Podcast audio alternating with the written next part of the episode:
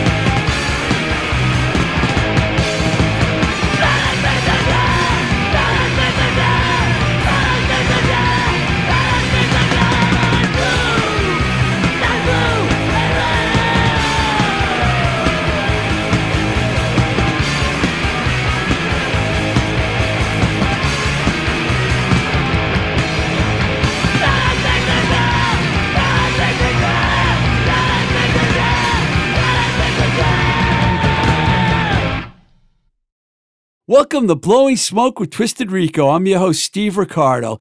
This week, we have two members of one of the most influential bands to emerge from the American straight edge hardcore scene, Al Barile and Jamie Sciarappa from SSD Control. You just heard the song Glue from the 1983 Get It Away EP, which, along with their 1982 debut, The Kids Will Have Their Say, are regarded by many as two of the most important hardcore records ever made. Don't believe me? Try and find a copy. When you do, get ready to mortgage your house because that's how expensive those records are when you want to go online and buy them. I'm talking about the original pressings, of course. That, however, will be changing soon upon a recently completed deal that the band did with Trust Records in Los Angeles to have these records re released with new packaging and everything. It's going to be really exciting. We definitely talk about that in our conversation. I reached out to a couple of guys who were there from the beginning as followers and fans of the band to get their take. Two guys that have written about the band and know probably as much as anyone about their history.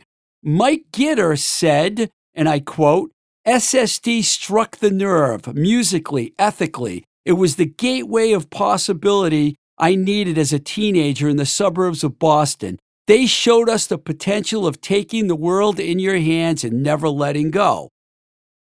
Al Quint said, and I quote, Al deserves a lot of credit, Al Barile speaking of, maybe most of the credit, for getting the Boston hardcore scene rolling. It's interesting how essentially different personalities like Al and Springa work so well in a band for a while anyway. Both parts of that quote are very true. And Al does get a little candid in the interview when we when Springa's name comes up, so get ready for that. These guys were the front runners And even though the two leaders or co leaders or whatever were an odd couple, it was a powerhouse band for sure. Okay, I've said enough. Let's listen to the interview I did with Al Barile and Jamie Sciarappa from SSD Control. So, you know, I was um, I was in the Boston hardcore film that we were talking about a minute ago that Drew Stone directed, and I was quoted as saying something about being weary about going to Gallery East for fear of my life. and to put it into context, because they took it out, I had long hair, I smoked cigarettes, I smoked weed, I drank beer, I spent much of my time at the college radio station, chasing women around the campus, doing things like that. Would if I would I have gotten my ass kicked if I would have showed up at Gallery East? Alan, I was that kind of a guy, a weed smoking, cigarette smoking, no, you would not beer have. drinking. A, lot, of folklore to a lot of this stuff. No, you would Yeah. not have. See, that's why I didn't go though, because I thought I was, and I spent a lot of time playing SSD on the radio too. So I just wanted to get that out there. So you're saying you wouldn't have kicked goes my a long ass. way. Yeah. no? Really? As long as you were uh, respectful and not acting. I. That wasn't the answer I was hoping to No? get. I was I wanted you to tell me that sorry yeah, to, the whole sorry crew to burst the uh, take- bubble here or I thought you were going to say the crew would have taken you out back and kicked your ass No. and turned you into a straight edge. This kid, isn't right? New There's York. a lot of legend This about that, York. but it, it- yeah, it was not that No. way. we're bo- we're fair people. To get things started, I wanted to talk about the Boston Crew first in, in the summer of 1981 when you guys played your first gig. Can you like put that whole thing in the context for me? Who were like the original members of the Boston Crew, and did that come together before or after SSD played their first show? Well, I think the first, Bo- the, the, original Boston crew, if you want to call it that, whatever, uh, was me, Alan Choke. Uh, we hung out together initially, um, pretty much every Friday, Saturday night. We would meet up and we'd just hang out places just to sort of make our presence known, whether it be Newbury Street um, or Streets. Remember the club Streets? So we used to hang out in front of there. Um, and then uh, it wasn't until the uh, West, the Decline of Western Civiliza- Civilization uh, movie came out, Oh, yeah. and uh, we went to go see that.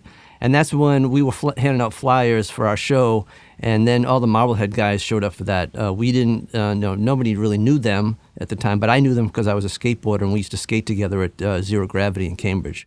Who are the Marblehead guys? Uh, Jake Phelps, um, Tony Editor Perez, Thrasher. Yeah, uh, Tony Perez, um, Liz's brother. yeah, and uh, uh, Andy Strachan, and uh, there was a few other guys. DYS. Yeah, those are the three main guys Really? that we became very close with. They became very, you know, they were Brody's uh, part of the Boston crew.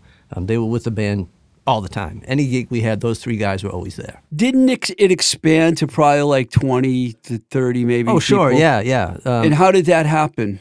Well, it expanded kind of fairly quick because so I met him at a Dead Kennedy show, I believe.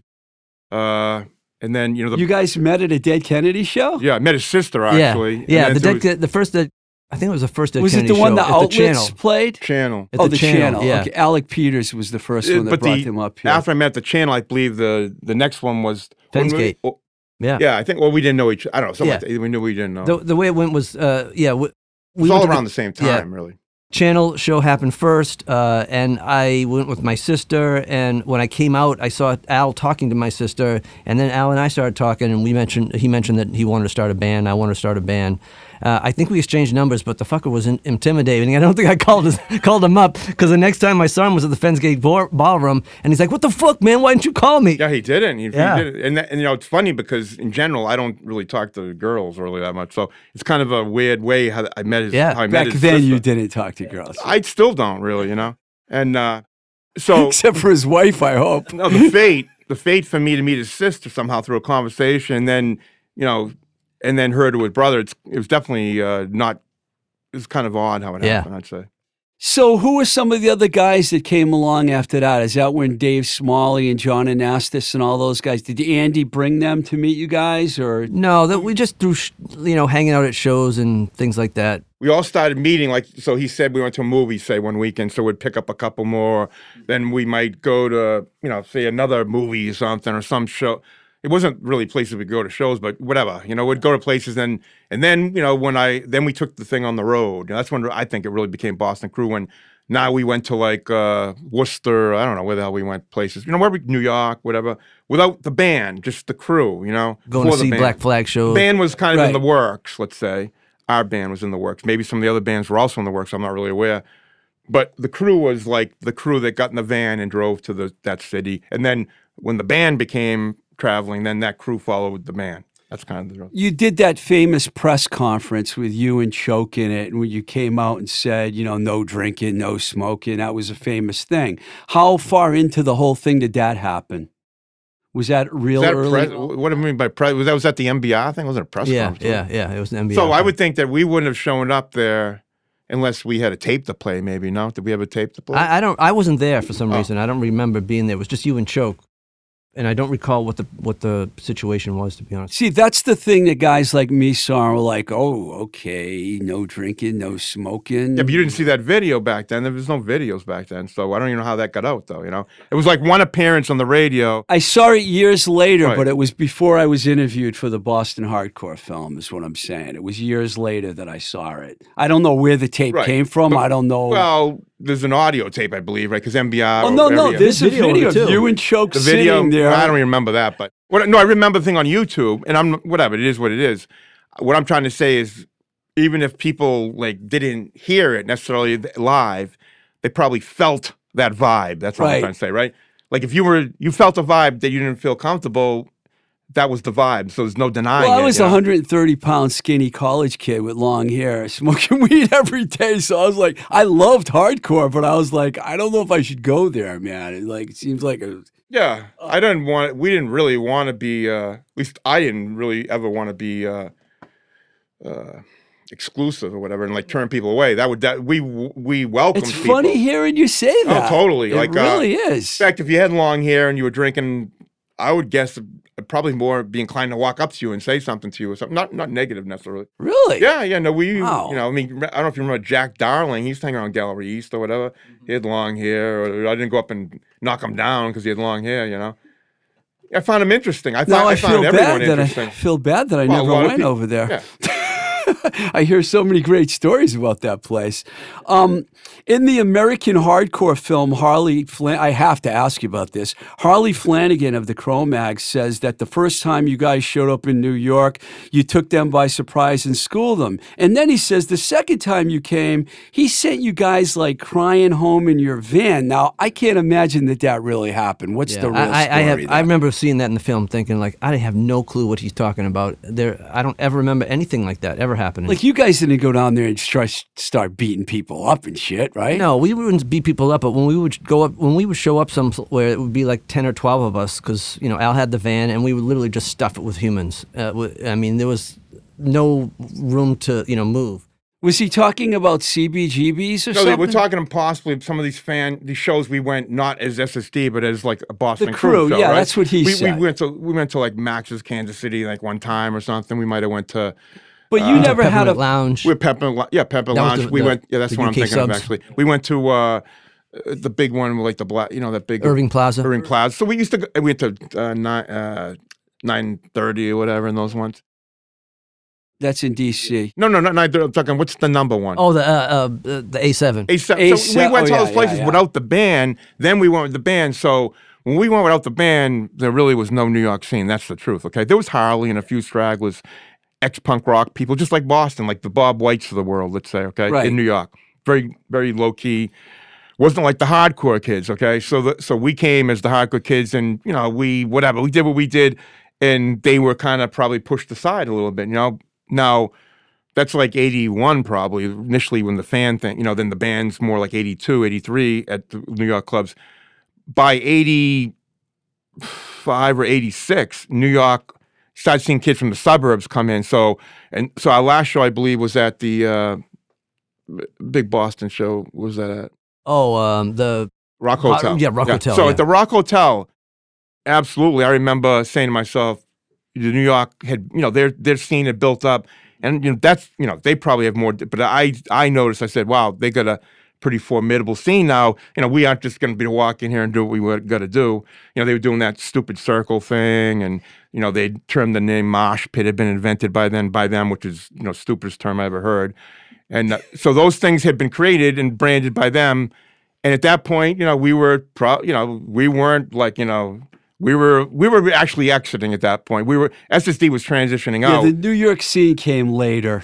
If Yeah. we if we had stuck around, it would have been more interesting. I think if we had really planned on sticking around, how would it have all worked? You know, because then many years later, you got the choke thing happening and stuff like that.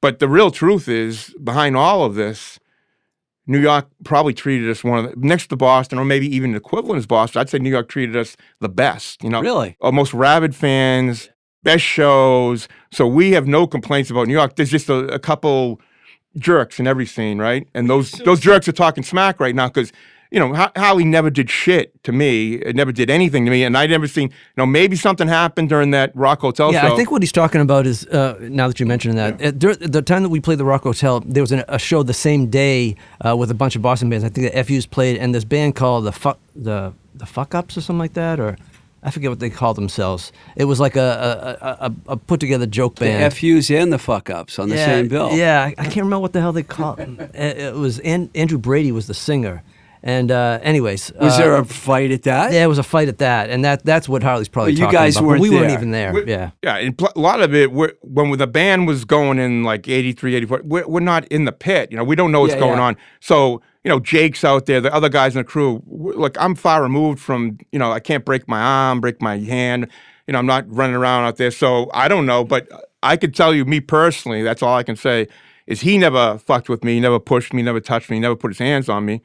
You know, because Well, if did, it'd be a it's just problem. it's fun. I don't understand why he said that because he did say SSD when he was telling the story. you might put goes, it, you might lump everyone the together. or SSD something, right? guys. There, there was a that that did kind of that that Rock Hotel show. Uh, that thing that happened at CB's did did carry over to. Uh, there was a little bit of a fight at uh, at the Rock Hotel as well, but it wasn't anything big. It Yeah, was but you just a- guys uh, didn't get schooled no, and sent no. home. I heard I heard stories, and I heard these stories just in recent years. So people, you know, my my uh, You must have been surprised when you were watching American Hardcore and you heard him say that. I was. was it in American Hardcore that he said? Yeah. I, I saw some video when he said. I said I think I actually reacted. I might have typed on at the time. This is like at the beginning of the internet. I might have typed something like "You're full of shit," you know, lie, whatever. You know, it's total. Uh, it's total fiction, but you know, his band, both guys make fiction up all the time. You know, both they those guys. They don't even talk to each other yeah, anymore, well, do they? but I mean. You're talking about John I'm not going to get into, and- you know, I'm not trying to trash them because, you know, he's, uh, you know, whatever. For him to do what he's doing, I'm, I'm, uh, I don't have a problem. I mean, he's done good things. I mean, he's Yeah. in a, his band. And I'm not trying to start controversy. I just thought This it was is the odd. this is our truth, okay? Our truth is we weren't, so I can't answer for what was going on maybe at the Rock Hotel, but I'm just me personally and my intimate thing. Now I heard years later, and I wish I had known it kind of more real time, and maybe some people think I did, but I heard Dickie Barrett got his jaw broke by someone Really? in that from that New York thing.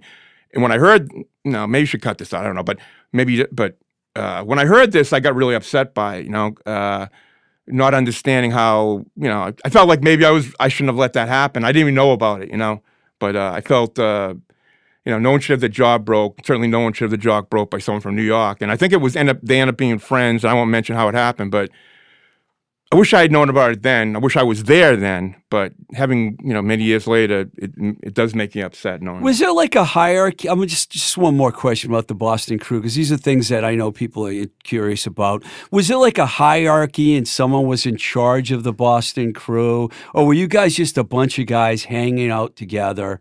And you had some pretty intimidating guys in there, no doubt. Jake, you mentioned, Yeah, so I uh, describe a bunch of uh, you know, Choke. Choke's a scary Get some- looking guy. Got strong personality, you know, in any in any tribe or any crew, you got strong personalities. You got other personalities, and what you know, whether it's a band, a family, or whatever, uh, those team dynamics got to work, right? well, you guys weren't a gang, though. no, no, way, no, and there's no leader. Like I just, like I just like we get in the van, we go someplace. There was never like you know, you know, we've never really been in an interview and stuff uh, together, and, and we should probably have this conversation, but. I don't remember too many conversations that were like serious conversations.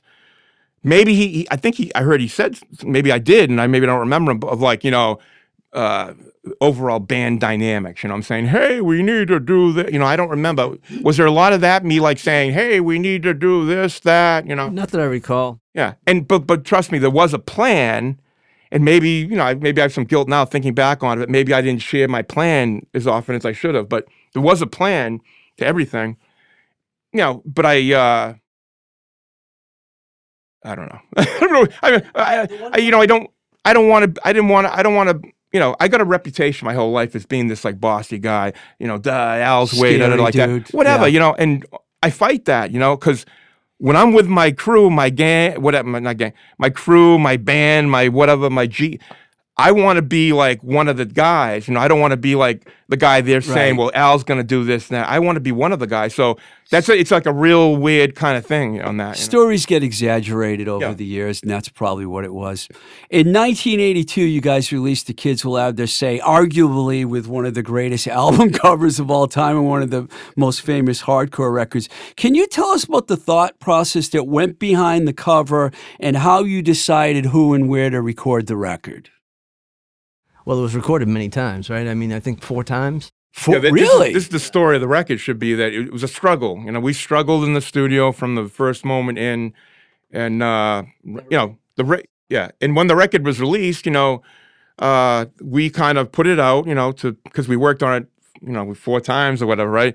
We're putting out, but I mean, I can't say when it came out that we are like, yeah, we nailed it finally. You know, we put it out because after four times, you know, I'm not saying we gave up, but we got it close to where we said, okay, let's put it out. At least that was my feeling. Now, when I just said that last thing about would you ever talk about things, I'm not even sure if I ever we ever sat around the table and talked about the record recording. I'm sure we did. We, we must have, you know, had conversations I think we at practices and stuff. well, like but I think we all just complained maybe or whatever, you know. I don't think we sat there as a like strategy and said, right, like, hey, let's talk about why this album doesn't sound right. Is it Al playing or Mr. B? You know, like we never really went, you know, so you you just said thing about was there any structure to it? You know, there was no fucking structure. Just like, you know, some strong opinions, some less strong opinions, and you know, some discussion. was it all at the same studio the four times that you No, no, no. First studio was in uh, Oak Grove in Malden. Did you ever hear that studio? Uh, yes, I've heard So of we it. found Oak Grove, from yeah. the back of like a performer or something. It was one. Of, it was in this bigger format. I remember more of a newspaper format. I remember those details. But in the back, you know, there was Oak Grove, and it was in the very back, maybe like that big. Oak Grove, like Malden. Oh, what the fuck, Malden? It's better than Revere. didn't know what the fuck we were yeah, we doing, saw yeah. like there's that place in Revere, wasn't it? What's the name of it? Yeah. Only place would be worse is like Lynn. If I was to put like where we're going, like Lynn now, stay from there. Revere now. Malden, I don't know, fucking Malden. For people that are listening in other territories, these are all little towns around Massachusetts. There's What, a lot. for what a of reason them. I didn't feel like we were ready for Boston yet. Well, it's really funny when you think about how famous the record is now that you guys recorded it four times and that you didn't have people coming up to you saying, "Hey, we want to record you." No, no, I don't even know. Like, like I think. um So during one of those first few gallery shows, I think we met Lou Giordano. Oh Like, yeah, he's a famous. yeah. So like you know, yes. coming meeting them, and then Lou kind of uh, bridged the gap for the next studio project, which was uh, Lou didn't go into Oak Grove, which was uh, uh, uh, Radio Beat. Radio Beat had just opened up in Kenmore Square. Was right. Uh, So Radio Beat is what they ended up using. yeah, great. Radio Yeah. Beat. You know, it just was forming, and, And so Lou, Lou is a very good engineer. Right, but see, at the time, now here's the thing. You know, I didn't even know what a studio was really about. You know, I don't even. Uh, I bought like uh, Circus Magazine and Creem. I don't even know if they featured you had good good taste. studios. Right? I don't know. Did you know what a studio was really? Not really. Back back to that word compression. I didn't even know what compression was. Probably one of the biggest things you should learn. New, you know. Anyways, so we go into Radio Beat. You know, looking at this. Know, I like gear. I mean, I love. You know, from the beginning. I'm. I'm an. You know, mechanical engineer. So I have an inquisitive mind. I like gear and everything. But it was intimidating. You know, oh, gee, I'm still trying to learn play guitar and all this gear, and I don't know what other guys thought, but I was kind of intimidated. You know, like because you know just we just started the band recently, you know, like and we're playing and like I'm, you know, feeling each other. And we're feeling, you know, we feel like something's going on here, you know. Like there's a couple songs we're doing okay, and you know, it's it's, it's okay. And but when we recorded, recording, whole different, like it was like a whole new process, you know. The, this is stale. It didn't feel live, you know. And and you know, all my life in the back of my mind, you hear bands, oh, we want that live sound in the studio, and everyone wants that. You know, it, that live sound is once the microphones come out, it's very hard to really capture what your ears hear. You know, Right, Because right. there's so many frequencies fighting for space. You know, that real mid range, the 200, the 500. You got the guitars. You know, if you're a two guitar band fighting with the vocals you know, other bands have the luxury when there's a little bit of separation when the band's like a, a like say a gang of four with bass and everyone's at their space. But our kind of band, there's a lot of battling going on in that room, and that was the battle. how to fit those vocals in, you know, with my guitar and stuff like that. So it's the band of uh, most rock bands will have most battle engineer probably would know, you know, that space. But anyways, so. I should ask this before that, but the songwriting, okay. I now did you write all the songs, Al? I wouldn't say all of them, but I, you know, ninety percent. I consider it was like my job almost. you So know? Springa didn't have anything to do with the lyrics. or Here's my memory of the lyric thing: is that we practice first practice, first get together. Chris Foley shows up from drummer. a Yeah. train from uh, Wellesley, which is a story in itself for him to take that train an hour. This is the real story how this band stayed together. He took an hour from Wellesley. Jamie, another hero in the band, because he used to s- sit at the med. Well, well, Wellington Station every and wait for single these time we, fucking we kids. practiced at least two. Before there was any form of communication, there was no. You know, Yeah. I could. s- I sat there for hours cell sometimes, phones. having Two- no nothing. idea whether they would show up or two, not. two or three times a week we practiced religiously. We weren't a slacker man. And for those guys to show up all that time, I'm sitting in Lynn waiting for them to show up, you know, thinking this band's never going to last because who the fuck is going to wait? Who's going to drive from Wellesley on buses and trains and everything? And then he's going to sit there not knowing when Springa's going to show up because Springa, who knows what. Springa's doing, Yeah. you know? He might be driving on the outside of the train or something. You never know what it. So, you know, it was a, it was a, me- and like, so from my, my view in Lynn, waiting for these guys, I'm like, how could this band even last, you know? And I had the same thought recently driving home. I was in stuck in two hour traffic uh, Thursday night. I was thinking an adult band because I know you just started another band. I was thinking, how does an adult band with guys at work and then after work they got to show up because the traffic was so overwhelming, you An know? adult band. I like that. No, but I'm just saying, you know, like it's like there's a lot of obstacles to not keep a band together. Is all I'm Right, trying to say. right. And the fact that we were able, and and you know, part of me is upset that we didn't last as long as we maybe could have or even should have. But part of me also says maybe I should appreciate the fact that we were able to last as long as we did because it's it's a struggle. I think it's a struggle being a band today. It's a struggle being a band then, and certainly transportation. As you get older, more complications in your life enter in. So you know, uh, the heroes of these guys, Jamie, Chris. I won't call Springa a hero, but those two guys were. We'll get into that in a few minutes. The one thing that you didn't answer was the question about the cover because it's one of the greatest album covers of all time, any genre. Whose idea was it to to create this image on this? I'm talking Right, about the I, kids I, I will can, have I can give you my version now. I want to. I want to put a caveat in anything I say here because Because this record, I think right now, if you want to buy it, you can get it for eighteen hundred dollars Yeah, on something like. Discogs. You know, So here's this is this is I'll I'll put this out there, but if if someone in the band, Chris or Jamie. someone else says later, geez, I don't remember it that way, and I will agree because maybe I got it wrong here.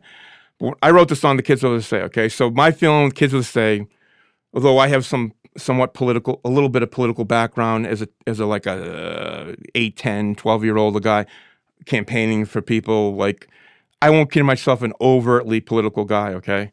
Although I hate Trump, clearly, uh, at this point. But uh, so back then, you know, kids will say meant with my frustration when no one listened to someone like from the teenage years. So I, you know, I remember like, really, it's this simple. It's like I remember like bands playing and stuff and not being able to go into shows because ACDC at the Paradise, you know, I was 20 plus, you know, 21 or whatever. yeah, yeah. I just felt like, I mean, it doesn't make any sense to me. You're in a band. Um, you know, really the young, you know, b- music and rock is like about young kids and finding, you know, so to like put a wall in front of your audience. Same thing about when I used to, you know, uh, uh, explore the Boston, Boston local music scene. Same thing, over 21 shows and stuff. So that, so the kids will just say, although looks like we're looking at the State House and it's meant to have many uh, meanings, okay? Because Yeah. everything I do or try to do has like 10 meanings actually. Okay. So if you see something or you read something, don't think one meaning, think at least two, maybe Okay. three, possibly four. So that picture, that image, we arranged everyone down there. and The image was I shoot up at the Capitol because it made sense with the song. So we had the title, you know, the song was written. It's not probably the best song on the album, which is another thing.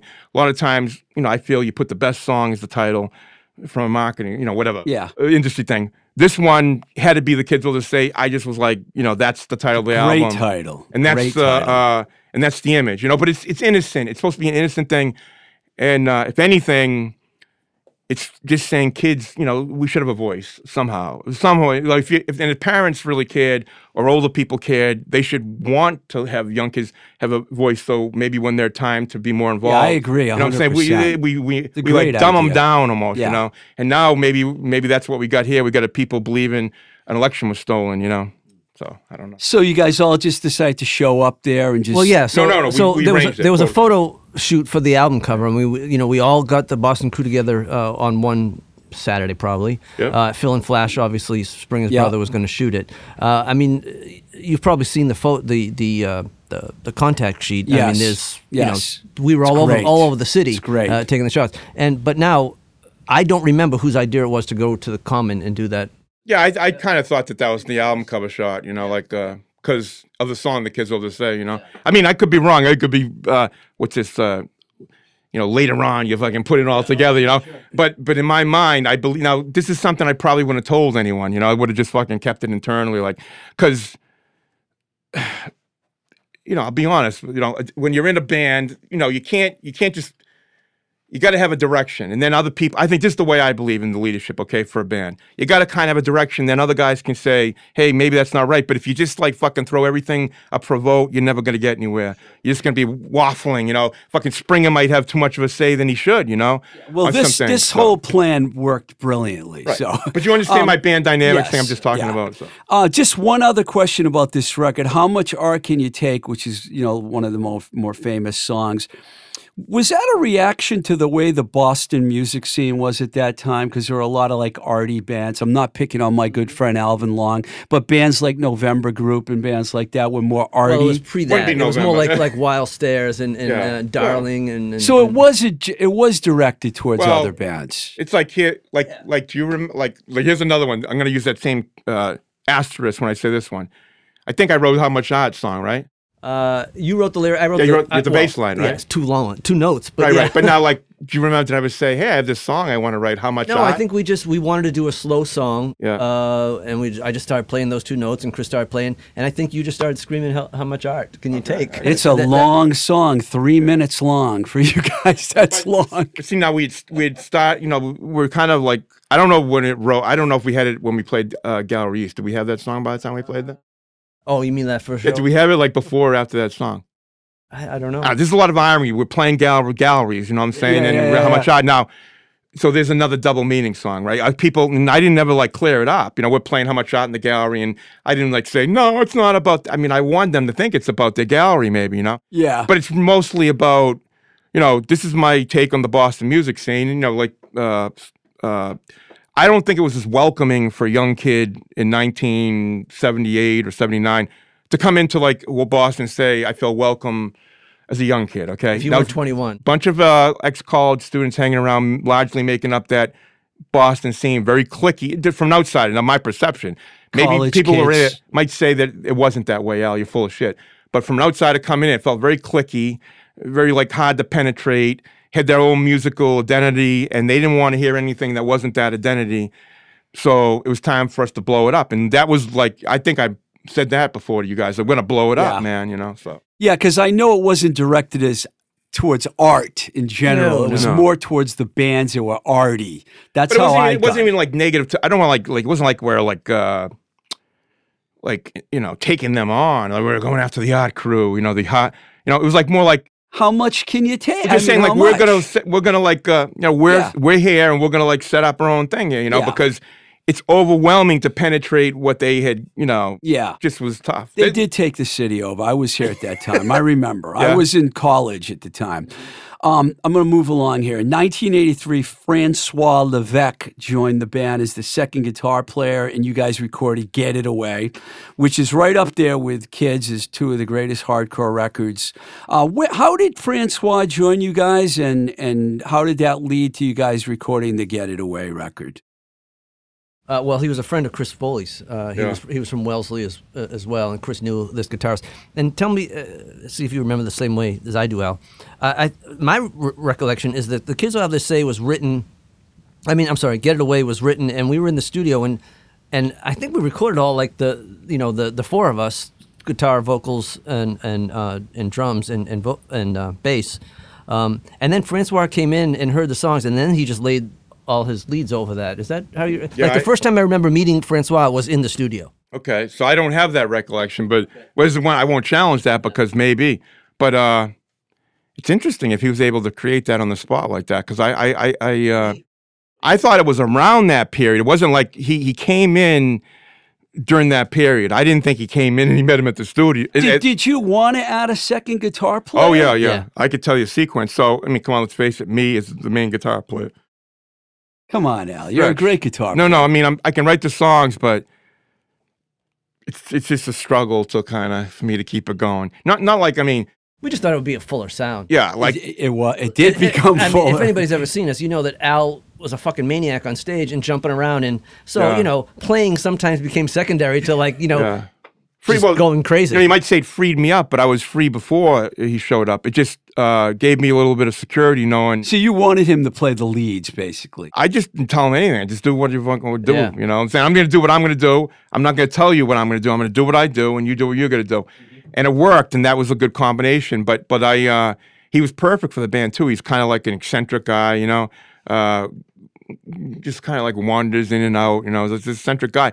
He's perfect for the band, and he and he i- i- what he did on that album was spectacular. You know, those embellishments and those things that he found to do was not, you know, because we a lot of people are going to say, and you, you- you know, through that whole one album, two album, three album, four, people gonna say, well, they went to metal, they went to rock. It, it never was the case. That transition was happening from the first record right on. You know, it just was not a transition to rock. It was like just trying to like do what we do. You know, like the album title, "How We Rock," is supposed to be like we're trying to be our own signature band. It wasn't like you know some big thing. Like you know, they put rock in the title, was trying to fuck with people, saying we're gonna put rock in the title, like an absurd album title called "How We Rock." It was supposed to be like fuck with those people, but we're just trying to like play to our best at that time. Now, I've said this many times. I think I was off a little bit because I thought we had to slow it down. You know, I, I here's my reaction to get it away. I thought it was like we got that live sound, right? I definitely thought we got the live sound. It was, you know, that it was kind of like even when it came out, I was like, wow, it sounds live. I like it sounds. But when I looked at, it, I said, man, the vocals just are like the vocals don't really mesh with the music necessarily. Like, you know, think of all the songs, he just like screams like over like an end of something. There's no like verse, chorus kind of structure, no songwriting. Certainly, I never went to him and say, Springa, I want you to sing, you know, this, that. So I said to myself, that's probably the next phase is we have to somehow learn how to incorporate you know lyrics and i won't say melody but some form of singing. I'm a big i'm a big into singing believe it or not. Like to me i when i think of singing when i think of a band I, first thing i think is a singer. Most important thing first thing i think is songwriting maybe right close on that level. But so you know i look back i'm not sure i was right on this but i felt we need to really improve the singing of course my guitar playing probably needed a lot of improvement but I felt we could make up for that. Okay, so we put a lot of emphasis, and the products you see from album three and four, I believe you, you know wrong. I think are the products of us trying to work on the singing. Okay, and the songs got slow, probably too slow, not super super slow, but definitely a little bit too slow. And we knew it real time too. After the record came out, we were like, oh fuck. We made that too slow, you know.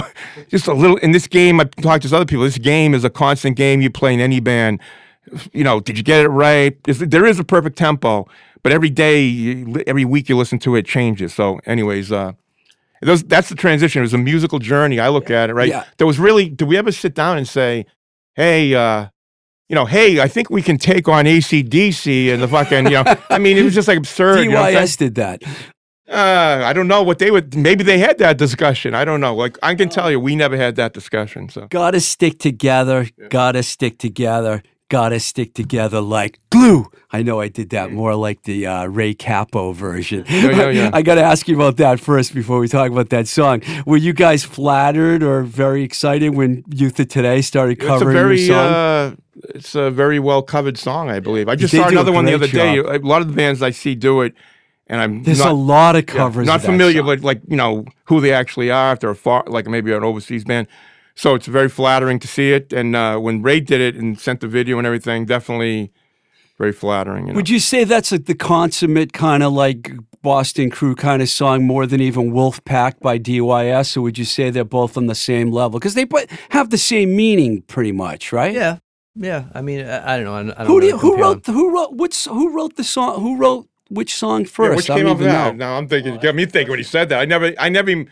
I'll be honest, I never even put those two. I never the Wolfpack was about You know, the I same think thing. Wolfpack was '84, I think, but I, I'd have to look that, Is that up. on their first or second album? Wolf uh, first.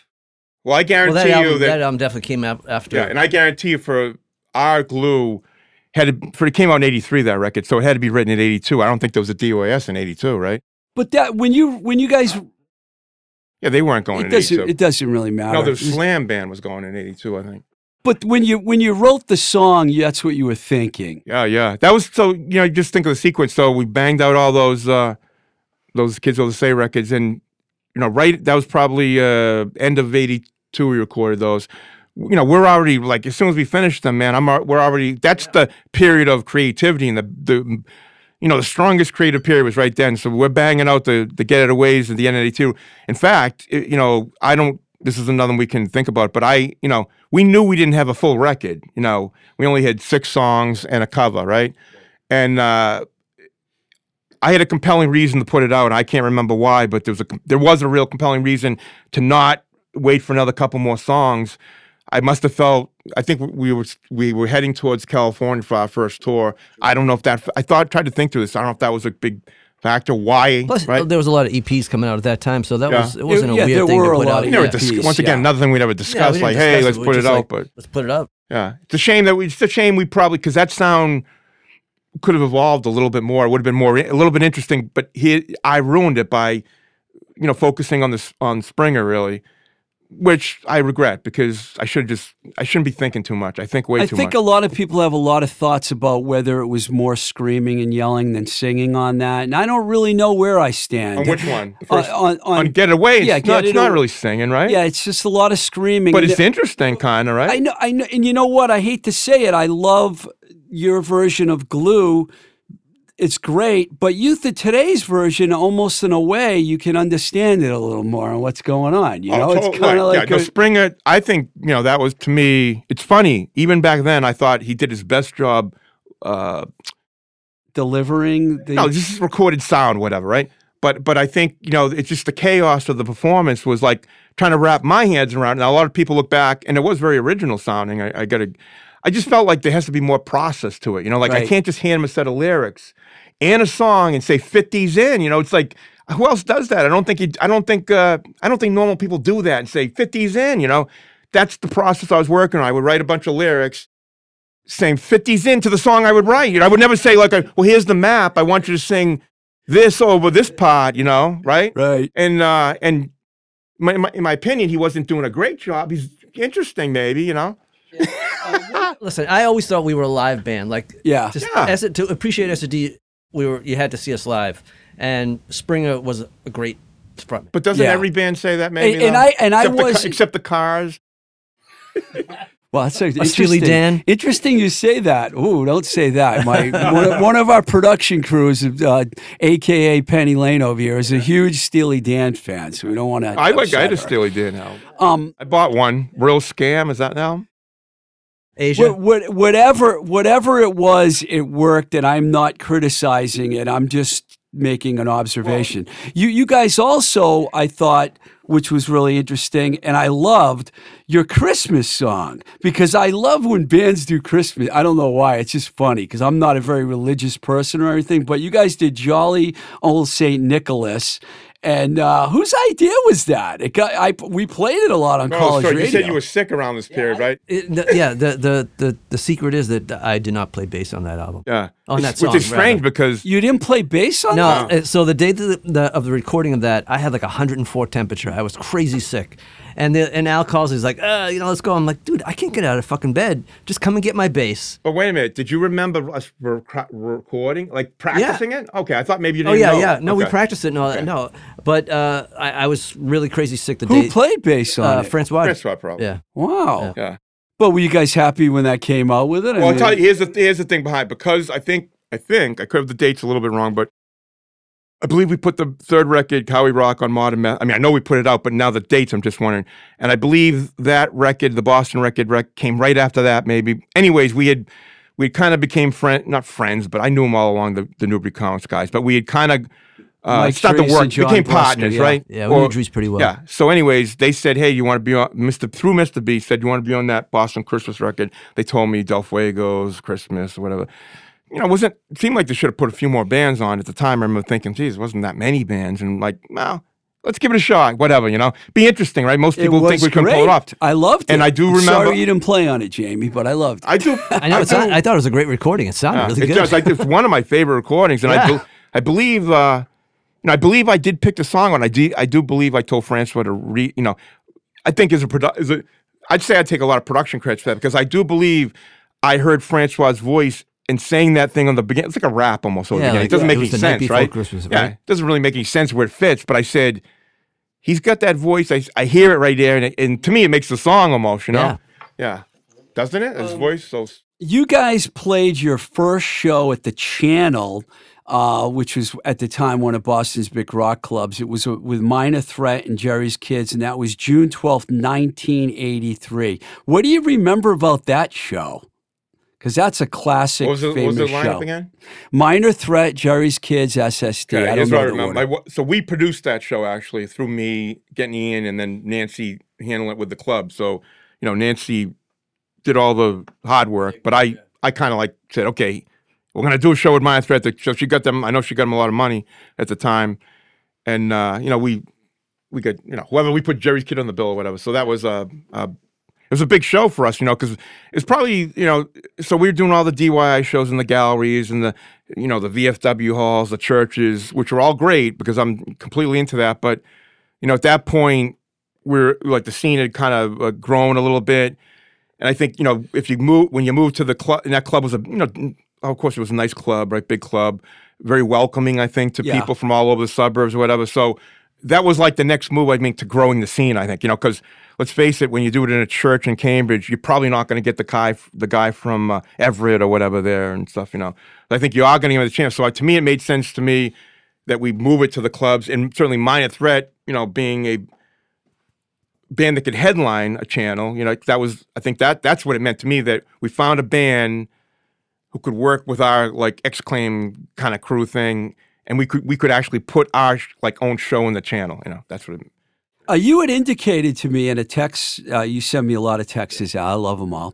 Uh, you indicated to me that a lot of bigger clubs weren't very keen on having SSD in their clubs. Is that true? That they just didn't want you to play because they were afraid to have you play? Or Well, we were a hassle. I mean, you know, the kids would, you know, be going crazy, and they didn't drink, so it wasn't. It wasn't really to their didn't make sense to that. Made sense to us because you know nerd. Uh, they probably were 'cause of the short sighted, right? They're not thinking Yeah. about growing an audience, growing a scene, growing everything. And that's you know when I came when we came to Boston, my my issue with blowing that existing scene up was I didn't think it was welcoming, and I think you know I take a lot of pride in where I'm from. I've said it should be a lot better than it is now. I think the radio should have been better. There's so many things that the club should have been better, more welcoming. You know, gr- growing it. like SSD never played the Rat, right? We did play one Yeah. Oh, you time. did? Oh yeah, big show. We Yeah. played, and there was a riot, and uh, and Well, and Doug Bouncers. Simmons very early on. Doug Simmons wrote a Cellars by Starlight feature column on that show.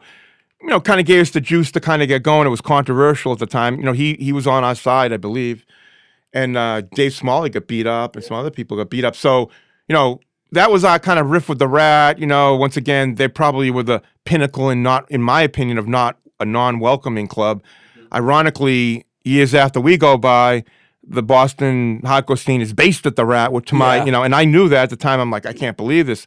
You know, I'm not gonna say I thought, well, but I'm thinking I'm not here now, and they moved to the, you know, that would be the last place I would have ever thought Yeah. that. But yet, I I've, I know about all those years and a lot. Like that was the youth of today years, I believe. You had moved on. You Yeah, had I moved was in on at LA that at the point. time. But it is ironic that I went to the Rat. SSD played uh, the channel again in November 1983 with the Circle Jerks, and if my research is accurate, you only played there two more times, and these shows are so weird. One was in April '84 with the Neats, the Proletariat, that and the. Blackjacks. What a weird bill that It was like a. Boston rock Yeah, kind yeah. of thing. something. That's bizarre. And then the other time was with the Rocking Bobcats. I'm assuming that was like a Bob Sensi band. I don't remember that at The all. do? Rocking Bobcats. Yeah, that was a Bob Sensi band, Oh, yeah? yes, but I don't. I remember that, I, I don't but I- remember that band. Yeah, I exa- I, mean remember that. Uh, that. I mean that uh, that show exactly. I mean they all. I looked all these up blend into- online, so unless someone canceled and they didn't take it down. Yeah, that- that so there sometimes was only those three big shows and a rat show, and you probably didn't do much other Boston clubs besides that, Uh, right? streets. We used to play Streets. Streets. play, yeah, yeah. You, you Digny Fingers treat us really good. Yeah. Yeah, really. Digny Figness. Yeah, remember him? I've been waiting for his name to come up on this podcast. No, he was, you know, before he was Digny Fingers, the Figgis. artist. Figness. Diggy Fingers. I used to have a Digny. I called him Dig. Fig- he gets signed. He gets signed Yeah, actually. yeah, but see, this is way before remember that. This is when we first met, met Digny, Diggy. Because he, he used to practice up in the Gallery East, his band. right. He had some kind of band, I don't know the name of it. But then, so I then, think it was after the Diggy that, Fitness Band. No, no, no, this is before that. He was more like, he was more uh, arty, I think, back then. you know, then, Damn then, artist. um, then, uh, next thing I know, Diggy is, is at uh, Digny. Digny. I can't say something. He's at the streets. Yeah. This club, like, what was it called before Streets? Anything? Storyville or something? No, that Storyville was in- Kenmore yeah. Square. No, no, I don't want to mix it up now. It was uh, it was in Allston, and he had this club. I we might have even been there like early on the openings, Way like early, close, yeah. like really. So, you know, he I think wanted some like action, you know, juice. He wasn't scared, you know, like the other people. Yeah. he was new in the game. He wanted to make a statement. He had the bad brains. He had Black Flag. You know, probably all the you know, and us and stuff. So. uh that's the vibe there. So we played there a lot. That was another, you know, big part of it of us. Whatever. I'm uh, getting some good shows. Then we then we also had Al Peters invite us to like at least two Dead Kennedys built shows, Oh, yeah. maybe Played two or three. Me- So like the Metro. yeah, Oh, you Lansdowne, did play yeah. Lansdowne Street. Yeah. Wow. they, they also played. We played with the Dead Kennedys there. At we the played, end, we was played it- with Public Image. Remember that show? Wow. We, we played with Public. Yeah. yeah, maybe. I guess I don't vaguely remember. Yeah, I do because that was another Al Peters thing, yeah, right? yeah. But the um, the uh, dead. It was at the the club was. It's where it's where um, it's where the fucking big. It's where that big club. What's the big club in Lansdowne with the House Circle of play? House of Blues. Blues. Where the House Yes. of Blues is. But it was called like Seven Lansdowne or yeah nine fu- uh, or 15 something. lands down. Thir- uh, 13? 13 There's lands- been a 13 lot of lands down. clubs Yeah. over Yeah, there. there was, it was. Well, that's the one with the ramp. It's got the like Right. concrete ramp. you know? yeah, yeah.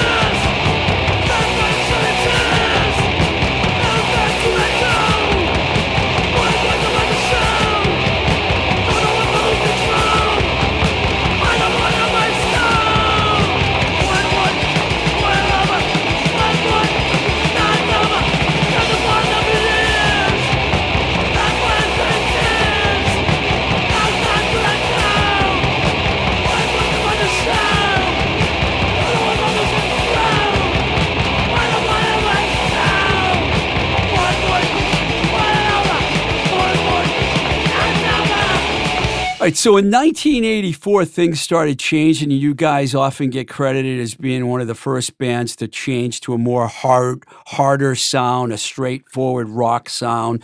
You released "How We Rock" on Modern Method. Uh, we were just talking about this off mic a minute ago. So the band never really changed their name from SSD Control to SSD. Basically, just people shortened the name, is what you said. No, I mean we shorted. I mean, I, I, my, you know, I have a lot of the graphics influence in the band and stuff like that. You know, I was telling them we made when we started out putting that record out. You know, we got the name. We picked Decontrol as the name really, and then we realized, ah, there's going to be another Decontrol. So we thought of, you know, uh, Society System Decontrol, SSD Control. You know, if you, Society System Decontrol is even more packed. It's like Yeah, yeah, yeah. like forever, you know. And, and when I see some something like Rage Against the Machine for a reason, a long name, but yet I see it, it doesn't bother me. But when I see Society System D control, it bothers me. When I see SSD control and that, it doesn't look unbalanced how the SS and then the rest of it's really long. Right, right. It just is not a balanced, graphically uh, appealing thing to me, you know? So you come with the three letter. The three letter thing is like very appealing, scented, an S, and two mating partners, you know? And it looked great on a t shirt. You know, th- in fact, the first I had an SSD T-shirt, but it's long gone now. One of the original ones. with The original yellow ones were made at this place in Somerville, right here. Ironic that we're here today. Probably the studio was right here. We printed the shirts. Would not surprise me. That's the kind of world I live in, where Could I have been come in this building. I'm not. Si- I'm telling you, it easily could. I'm, it was an. It was a community group that was printing these shirts. It wasn't like a. Uh, the. Uh, it was uh, Punky Paul's uh, Oh, yeah. sister was running the group. Oh, is that right? Punky Yeah. Paul's I think the sister. shirts were Paul like Richards. they were like 350 350 a shirt you know like community kids were doing these things and the story i'm trying to get this long way is that we printed the ssd control shirts the two s's like fell off like on a like 45 degree angle like peel like just were vanishing so if you've seen an og of that real vintage of missing fine missing S's. When they cured it, somehow they didn't cure those first S's somehow, and like Wow. they fell off. Yeah, so that's the real. But the the real OG, and I think I remember seeing Angie. She had like in those first tours. You see Yeah. the real OG ones, the white. yeah, yeah. The They were white, OG shirt, SSD. So that's really the birth of that, and that's like really, really early on. It just Yeah. the thing for us was like, how do we make that transition? And now just you know, and uh, it took a while to have the, gu- the guts to really do it, and it was a matter of like changing the flyers over time. Before we get into the style change, this is a real heavy question that I have to ask you because I've heard this, but I don't know the truth. You got is it true that you guys turned down the opportunity to be on This Is Boston, Not LA compilation? If you did, why did you say no to be to because that became one of the most famous compilations in hardcore punk history. And did you actually get asked and turn it down or did you I think it was uh, we were we were still in the process of recording those four times our record, right? So no, was it before I that? think it don't might have been so. after that, What? wasn't it? D- when we got asked. Yeah. No, no, no. It was during No? the process because we, we Kids Will Say was not out. Okay. Yeah. Our goal was doing Kids Will Say, so we'd started that recording process. We told you three or four times it took. I I'm like almost ninety nine percent sure the request came. You know, their idea of this Boston Not LA record came in during that process. Now, might have been real early. He says it might have been late. It definitely wasn't. Uh, definitely was while we were making our record because my point was, why am I going to give him? I'm, we're doing our Right. thing. You know, why are we going to do that? It didn't make any sense. Now, I also knew at the same time. I mean, we we were both music lovers and fans early, and we would buy a lot of punk compilations and stuff. So it was a very good introduction to get to know bands. So you know, I was aware of that. That it's a good thing. I always hated that name. The na- yeah, but see, I don't know. Like when they first pitched it to people us, in LA hated it because I was living there when it Yeah, came I mean, we, it's a I- stupid name, Yeah, it's a- right? it was a but when they name. pitched it to us, I what I don't want to rank, uh, put down. It was a- the freeze song that they basically took the title Yes, from, but I'm right? saying when they pitched us the idea, I don't want to say we didn't do it because of the freeze thing, because but we wouldn't have done it for that reason alone. I think that when they pitched us, we just said we're going in our direction. Yeah, you didn't want to be on it. Right. I'm trying to, but I'm trying to say that the the title I don't believe was attached to the project at that point. Okay. They were just doing a, hot, A a Boston hardcore compilation. But I mean, how big Yeah. were Jerry's kids and Gang Green at that time? I'm going to be honest. I mean, this is no slight against Jonathan, but but what's his name? His band, the Slam Band. John Anastas? his first band, they were on that record, I believe. Right, And they were very. They were not in the. They played like one time in a in a, in a skating rink in in uh, Brookline, to my knowledge. So. I'm not putting them down. at all. I'm just saying they were they were really uh, not a core member of that original thing. Having said that, I'm trying to say that I think the, they needed bands. What I'm trying to say. So, so it was no honor. Like like you're, you're you're saying it as an honor. I don't believe it's an honor. Well, I don't think it. will. no. I believe they were well, scraping the bottle, uh, bottom of the barrel, is what I'm saying. And I don't mean that in a negative way, because we were the bottom of the barrel and they were scraping us, and we said no, we're going to put our own barrel out. You know, not to mention that Al likes to have control of things that so he's involved true. in. So the answer is yes. No, it's another. That's another bad rap. But of course, like you want to. Yeah, no, I Right? don't. I don't. I, I. It became one of the greatest compilations in the history of. And we're not know, on it. punk, and that's the only reason yeah, why we get I that brought question it asked a lot. Why aren't you? Yeah. Now, could that could have that ultimately probably worked against us, not worked for us, right? Probably. Well, well, okay. So my cares? original We- we were question was to before I wanted to get in there was survived it. how how did you decide that you wanted Modern Method to release the How We Rock record when you guys were already ha- doing very well on your own with X-Claim Well, yeah, because it's more. It's just more like financial and business. financial? which he wasn't probably involved in, is that uh, you know, so put the first put the first record out. I gotta quick goes quickly. So perf- put the first record out. We all don't really love the first record at the time, okay, and probably even today, Wow! okay, okay, because we don't And I can sell the empty Yeah. sleeve for twenty. because we don't think it represented wh- it. You know, and I'd say this. I'm not saying it's eight, what is eighteen hundred. You said Oh, it might be more than Well, that. whatever it's worth. people. Yeah, but I'm and I'm not trying to drive the price down here, but I'm saying Oh, don't worry. Trust Records, who we'll get into, is Yeah. going to drive the price down. I'm not. I'm not like uh, Elon Musk manipulating prices or anything. But uh, what I'm trying to say is, you know, we we didn't like. It was our first record, but we were ultimately not really happy with it. Okay, that's the truth. Right. A lot of So- bands say that, though. Well, Al, but the you first record, a lot of bands like Guns N' Roses, great, you know, debut album or whatever. You know, I'm not comparing us with them. I'm just saying a lot of bands practice heavy in that first album. It's their best thing, right? We recorded when we weren't even like we're in like Oak Grove Studio after we just like met or something, you know. We're like getting, we're like making, we're like going way too quick as far as recording and not knowing what we are doing. And uh, I'm losing track where I'm going with this thing. But uh, what was the subject? What was the question again? Uh, the question was, how did you end up on Modern Method? Yeah. So so so here's here's the financial part. So first two records, and uh, you know we.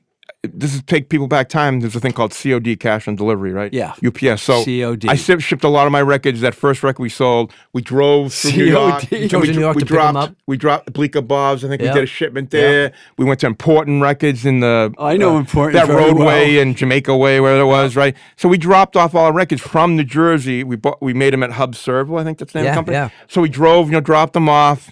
By the time we got back in Lynn, maybe we only had a thousand left. I don't know, like yeah, whatever. You know, we Do you dropped remember how many you pressed of that first yeah, about record? nineteen hundred. Yeah, Right? nineteen hundred That's fifty. it? Yeah. Nineteen No hundred. wonder it's worth I just saw the receipt. It was Holy one thousand nine hundred fifty on, on the first one, and four thousand six hundred fifty. Yeah, something like that. Wow. And then like around 2,300 covers, maybe, or maybe 3,000 Wow. covers. So you asked about the covers. Anyways, uh, we dropped them off. So now I ship them to Rough Trade and all these people that you're Yeah, familiar yeah, with. yeah. Second record comes out. We don't repress the first. It's all sold out basically. We don't. We want to, you know, put the money, recouping the money into the second record. We put the rec. We, we're happy with the second record now. We're happy. Like I'm, I'm not saying we're ecstatic, but we're happy. We're like the. We, Francois was great. Francois was great because he took a lot of pressure off of me. I, I got a lot of hats I'm wearing, you know, in the band. Uh, Francois can, you know, play a little bit. I can, you know, not worry that I'm, you know, Matt, the Yeah. worst thing in a band is when the band's playing, all of a sudden the guitar drops out and there's just like nothing. Okay, it's the absolute worst thing, and I and that could ha- that happened to me a lot, not a lot, lot, but the band would just probably stop when that happened. But in general, that's the big fear. So Francois could provide that backup for me. I could do other things. So, anyways, third record we recorded, and then you know I'm I'm fucking with my guitar sound around that period, buying these effects, bought a hammer guitar. I'm like doing bad things, making bad moves. Yeah, bad moves. And we're trying to fix the vocals and shit. You know, we wrote a couple good songs, but some of the song, you know, I'm writing some of my most uh kind of weird lyrics. Not weird, but kind of introspective lyrics. Once again, that don't fit the music at all. Just fucking write some lyrics and fit them in somehow. And I'm thinking, wow, this isn't going good. I, I don't even know if anyone's going to buy this record. I go, I might need some help with this one. So I was thinking I need to get a part, and I'm like, hey, those fucking movie comics guys might help me out. So I was, I didn't hate. I at that point I also hated the music business. I, those first two records, Rough Trade stopped paying me sometimes. Like, they, you know, I, I hate getting on the phone and asking for money. Like, I love creating and I love making stuff. You didn't like the business part of it. Well, I like to study the business part of it. Like I love everything. Like I could interview you for two hours about the business part. I love it. Okay, but I don't like to. I don't like the money part of it. You know, I don't Yeah. like. That's the only. I don't like you know fighting for money. To me. In my world, the money, like they would pay me because they're supposed to pay me. You know what I'm saying? That's Yeah, the yeah, world I live in. I live in a real truthful world, straight up. I ship you records, you give me money. Like Right. that COD world was a good world for me. Yeah. I fit perfectly well in that world. Well, once we started doing the 90 day thing, I didn't enjoy that world because I don't want to have to call you up and bug you. You know, I don't like bugging anyone for anything, you know. People call me up for these fucking hats and bug me. Drives me crazy, but I don't like bugging people and I don't want people bugging me. Get it? Um, no. Just about how we rock for a second here. Chris Conway was on my show and he told me it's his favorite SSD record. By the way, he worked over at Taang Records and he he says How We Rock is the best record So that you it- guys made. And I want The to. I gotta, change I gotta wanted jump in to- here because I don't want to put down all the records because I'm going to end up putting down all the records right one by after another. You have been kind Yeah, of. I have been, but it's truthful. You know, it's truthful, right? I'm not. I'm not the only guy in the band, right? We were trying to make these records better, right? Yeah, I never felt we recorded. You know, our recordings were great. Yeah. So those recordings, you know, were done at uh, like the sequence. You nailed. I should have, but we did the Get It Away at Downtown Recorders, Joe Cuneo. Then we did that. Uh, Jolly St. Nicholas. yeah, Jolly Sig- So we were like nailing it around that period. I mean, I knew Joe. We real time. I'm saying I knew Jolly Oceanic sounded good. Well, everything sounded good about it. But then we went on this little journey, and I I take what I take blame for all the bad things. I don't. He might want to take some blame, but I blame me. But uh, you know, You can yeah, have all the blame. I don't yeah. I fucked up. I mean, like it's it's a it is an interesting journey. I'm not putting it down, but I see I hear the things that I made mistakes on. Other people might hear beauty or see beauty or whatever, and I'm not I'm not saying they don't. It's natural though, but you're being too hard on yourself. No, yourself. I give think. I give the grade I. That's I've told people that. You know, you give grades. You're a Yeah. teacher. Jamie's a teacher, by the way. incomplete. Oh, we know Incomplete. that. Incomplete, I think okay. SSD, the grade, like when I see people talk about the greatest albums, with you know, talking punk hardcore, you know, and and they say, you know, hey, this was one of the top ten or top twenty, whatever. I just, you know, I I self grade would be an I. Why do you feel like you guys made this change to a more straightforward rock sound from your faster hardcore? Was it just that you were getting sick of playing fast? I thought, like, once again, it's fitting those lit. Like, think, just look at "Get It Away" and listen. Got to go back and listen to it. Think what you couldn't hear his lyrics. He's trying to fit like a ten pound, you know, in a t- five pound bag trying or to make Just the songs Yeah, more like, you know, understandable. under the influence Got would be a good one. Under the influence, under the, you know, to really read the lyrics and not that bad. under the influence, under the influence, I steal your soul. Under the influence, under the influence, you want control, something like that. You know, the lyrics actually, I'm really happy with those lyrics. But how, how does he fit them into that song I wrote?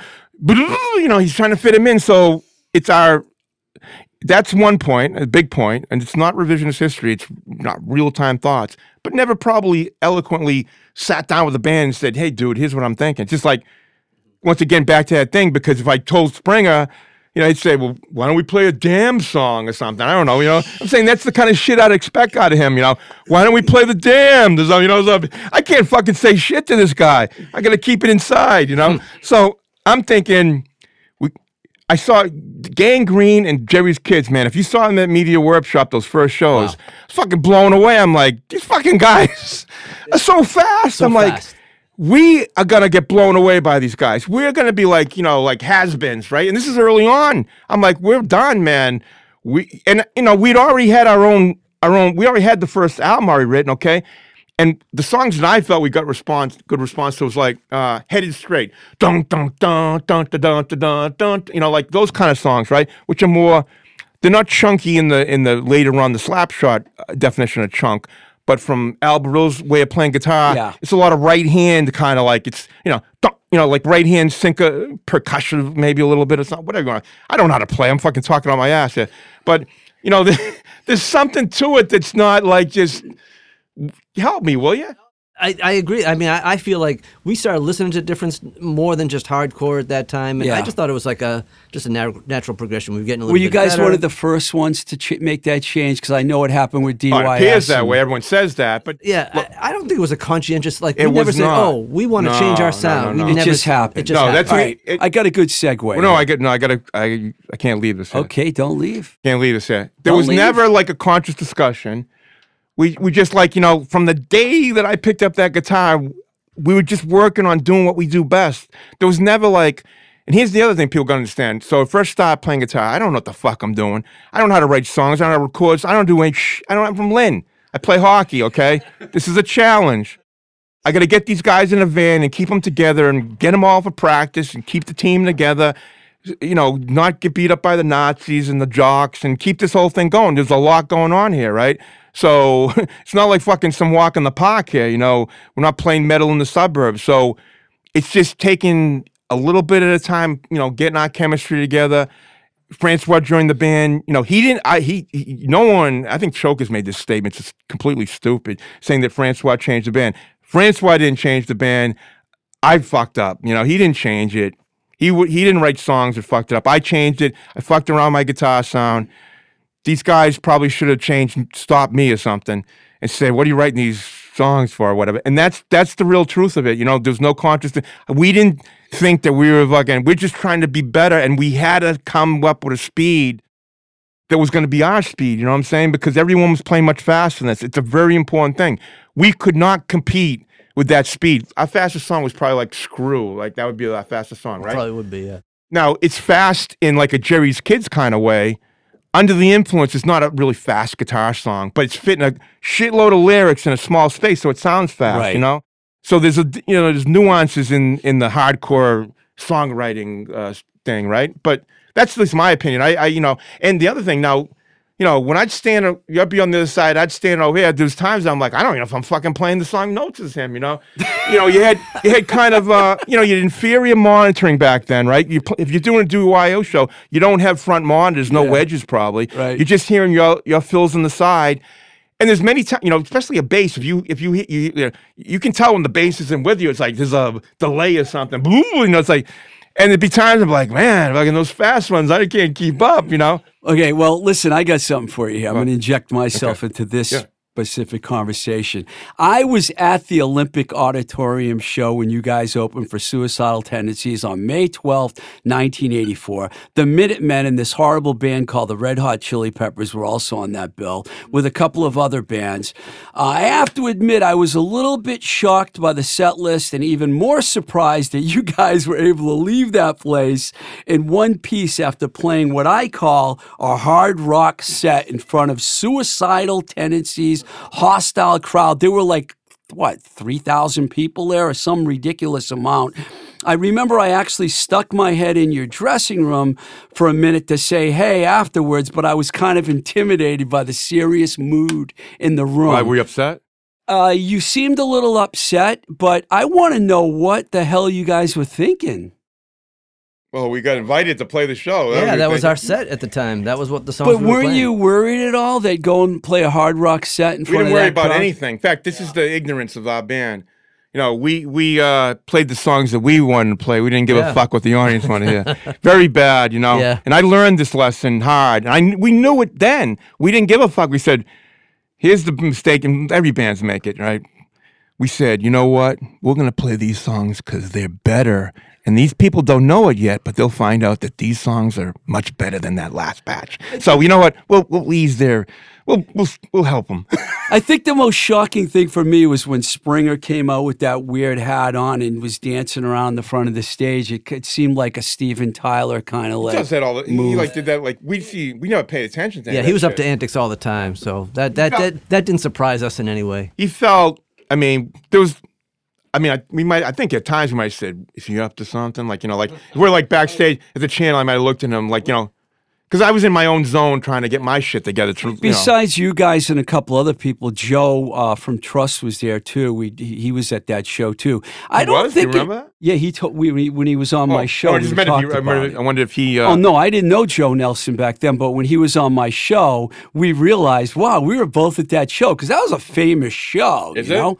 Oh yeah, that was like a huge show in L.A. I felt a lot of, uh, uh, you know, it was offered to us because of our French. You know, we knew Glenn. We were good friends with Glen Friedman and everything. It was a new, relatively new promoter. Glenn was working with uh, Suicidal. We took the show, but I mean, I had at the time, I, I I did feel like a strong obligation to Gary Tovar from Goldenvoice because you know he had set us up with our first kind of West Coast thing. So it was a, you know, I remember this. You know, no one even probably knew this, but I mean, I just felt really awkward. I, you know, I thought I th- I'm not saying I didn't like you guys that night. I thought you were great and everything. I was just surprised by the stylistic. I don't think it was great. Do you think it was great? I don't remember it being a great show for us particularly. No. The thing I remember most about that was soundcheck, hanging out with Flea. I remember sitting, Chris and I sitting next to him, and he was playing. We, Chris and I looking at each other like, "What the fuck? How is this guy so good?" Yeah, they were the opening band. yeah, that day. and, and if you, you recall, uh, Keith Morris sang for them that night because Anthony was in jail or some shit. I shit. know I didn't mention that. That Yeah. was really. I'll tell you, they, they had a huge buzz. Go- you know, they had no records out or anything, no recorded, instead of, to my knowledge. You know, we only heard about them on that you know show. Now, maybe they had been playing in L.A. earlier, but I mean, I remember just walking in that room. There's like this huge buzz about this band. Yeah. I mean, I didn't pay attention. I didn't like watch the set or anything. I'm but- probably not the best guy to talk about that band because they're not one of my favorite bands. So. yeah. Um, so I believe the last SSD show was April 1985 at a college with Executioner and Spiked Raven, and I understand the only Gitter told me this, who I quote before you guys uh, get got on your mics. Um, he thinks that the only song you played that night was, or or maybe it was Al Quint that told me this was "Get It Away" from the early stuff, and the rest was all new stuff. Is that? That, that could be true. I Now, don't recall. you know, we knew it was the last show. yeah, yeah. It wasn't true. like it was, so. It was kind we of knew. that. you know the connection to you know people are going to put this connection the connection to the raven execution thing or whatever was uh mark johnson uh was in that somehow mark johnson was a promoter in that maybe that m- i don't know if they call it metal scene or whatever Right. he had reached out to me and said hey i'd like to do some shows or whatever you know if he doesn't reach out to me, we're not going to play that show. You know, and he had it looked like a great place in a in a Did you guys Suffolk call it your last show? yeah, I yeah. think so, So yeah, you yeah, did this- it, We knew it was going to be our last show. Yeah. It was sounded like a fitting place because it was a nice that what college It was is a college. Suffolk- Suffolk is like Suffolk you know, nice, University. nice Yeah, theater Gator- kind of buried in there. I don't Yeah. ever see shows there. Gitter and Al were both at that show because I talked to both of them about that. So was Keith Bennett. That was the first time I ever met Keith Bennett. I- Really, he It must was have our been- last show, but it wasn't a nostalgic show. That's what I'm trying to say. We were Yeah. going to go out exactly how I said. Now we we didn't have like a set where like you know like just a list and we play these songs. But at that point, you know, we only played Boiling Point from the first album.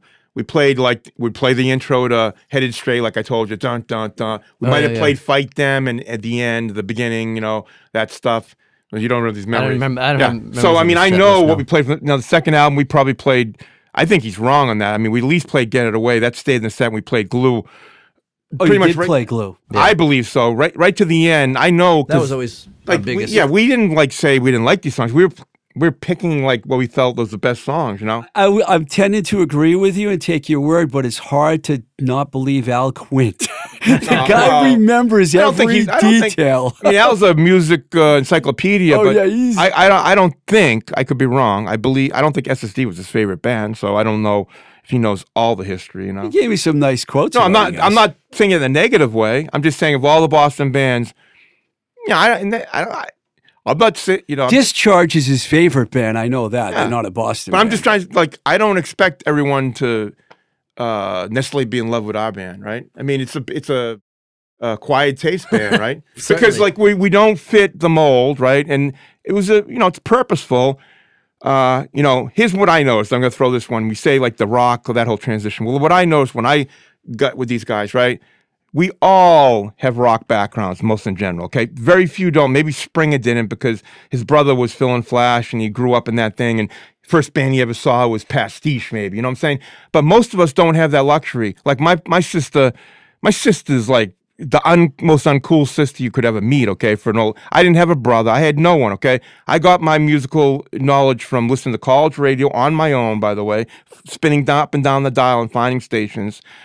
WMW in Salem or WZBC, all those stations. I found it on my own, and um, but anyways, I so I, we were all music. I think we're on a musical journey to find different Yeah. things, right? And and he, I feel like these guys. Similar musical journal. We all had backgrounds, right? He might have been into Iron Maiden or Judas Priest. I might have been Alice into Cooper. Boston or this that. You know what I'm saying?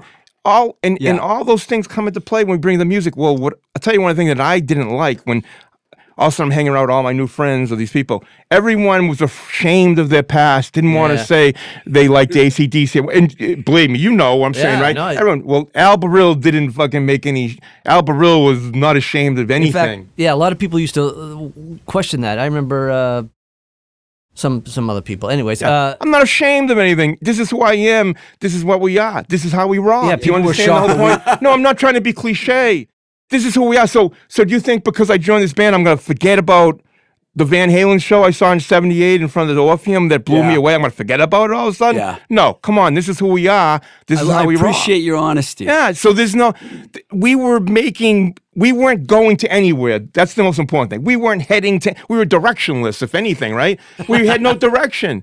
we you really know? didn't. We were just winging it. We're trying to improve the process of songwriting and sing, singing and vocals and how we apply it. And we made some speed errors. That's the best way. I, I can, uh, when that last record came out, I was like, man, we. I, I think some of the guitar tones on there and some of the songwriting is right, really good. I think Springa sounds pretty good. He actually made that transition on Break It Up to start singing some more melodic way. So he actually, by the time we had put Break It Up, I felt we had kind of uh, checked the box on what he did. He he, it's his best work by far. But the problem is, no one gave a fuck about it. No one liked it. No one understood it. And you know what? We we were we were getting. I'm going back. I'm kind of taking a circle. We you were already, you're at. answering the question before I'm asking. No, but it, we so were getting spit at at that show. We were getting spit. Really? Oh, yeah. Oh yeah. Huck Lunky's at the LA show. So we got the feedback real I got time a that big old this. loogie on my arm. That Yeah. was no fun Yeah, playing that- with that it. this isn't Oh. work. We knew it wasn't working at Yeah. that point. The buzz that we had, we somehow.